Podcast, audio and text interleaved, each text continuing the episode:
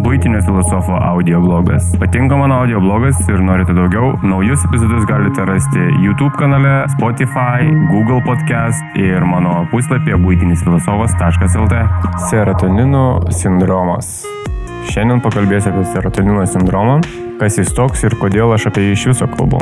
Bet prieš pradedant noriu pasakyti, kad šio audio blogo turinys yra skirtas sulaukusiems 18 metų, visa informacija yra patikta tik švietimo tikslais, šis kanalas nerekomenduos vartoti ar naudoti legales ar nelegales psichodelinės substancijas. Psichodelinių substancijų vartojimas ir laikymas, pardavinėjimas yra baudžiamas pagal Lietuvos Respublikos įstatymus. Kanalas nėra atsakingas už jokius jūsų nuožiūrą priimtus sprendimus.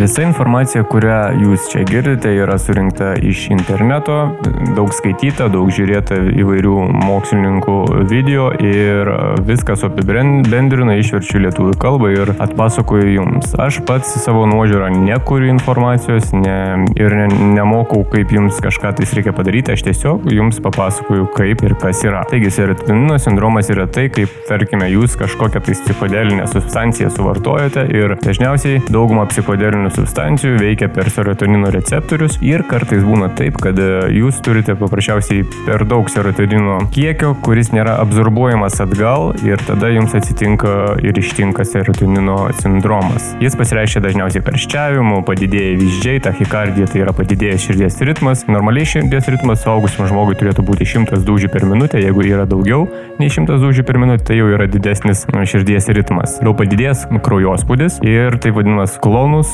arba hiperfleksija. Kitaip tariant, tai yra raumenų, akies voko trūkčiojimai, nevalingi įvairūs trūkčiojimai. Taip pat yra viduriavimas. Ir jeigu jūs turite visus šiuos simptomus, tai ko gero jums yra serotonino sindromas. Žiūrint, aišku, prieš tai, ką jūs darėte. Jeigu vartojate psichodelinės substancijas ir yra visi šitie simptomai, tai ko gero jūs turite būtent e, serotonino sindromą.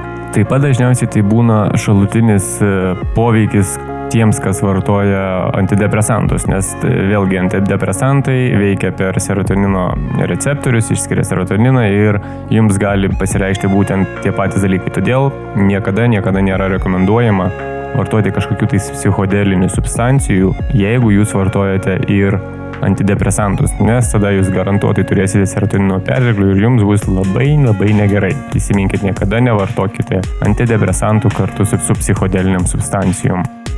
Ir šiaip iš esmės gyvenime jūs turite prisimti atsakomybę už viską, ką jūs darote. Jeigu jūs sumastėte, kad ir radote kažkur tais kažkokią psichodelinę substanciją ir jūs norite ją pabandyti ir jūs pabandėte ir jums kažkas nepavyko, tai tai tik tais jūs pats esate kaltas dėl to, kad jūs tai padarėte niekada nekaltinkite kaž, kažkieno kito, nes jūsų sprendimas buvo tai padaryti. Ir iš esmės, jeigu paėmus mano visus audio epizodus apie visas psichodelinės substancijas, pas mane dažniausiai būna ta tokia iš, viską pasako iš tos pusės, kad tai nėra taip smagu ir malonu, kaip gali atrodyti. Taip yra labai maloni ir nuostabi pusė psichodelikos ir psichodelinių substancijų gėris, bet jinai turi ir tą iš tikrųjų tamsėje pusę, kur tikrai nėra ten smagu būti. Ir man yra buvę taip, kad ten dažniausiai būdavo nesmagu. Todėl aš sakau, tada turi sverti, ką tu darai ir kodėl tu tai darai. Ir prisimti tikrai pats atsakomybę už viską, ką darai. O šiandien, manau, tiek toks trumpas epizodas ir viso ko geriausio.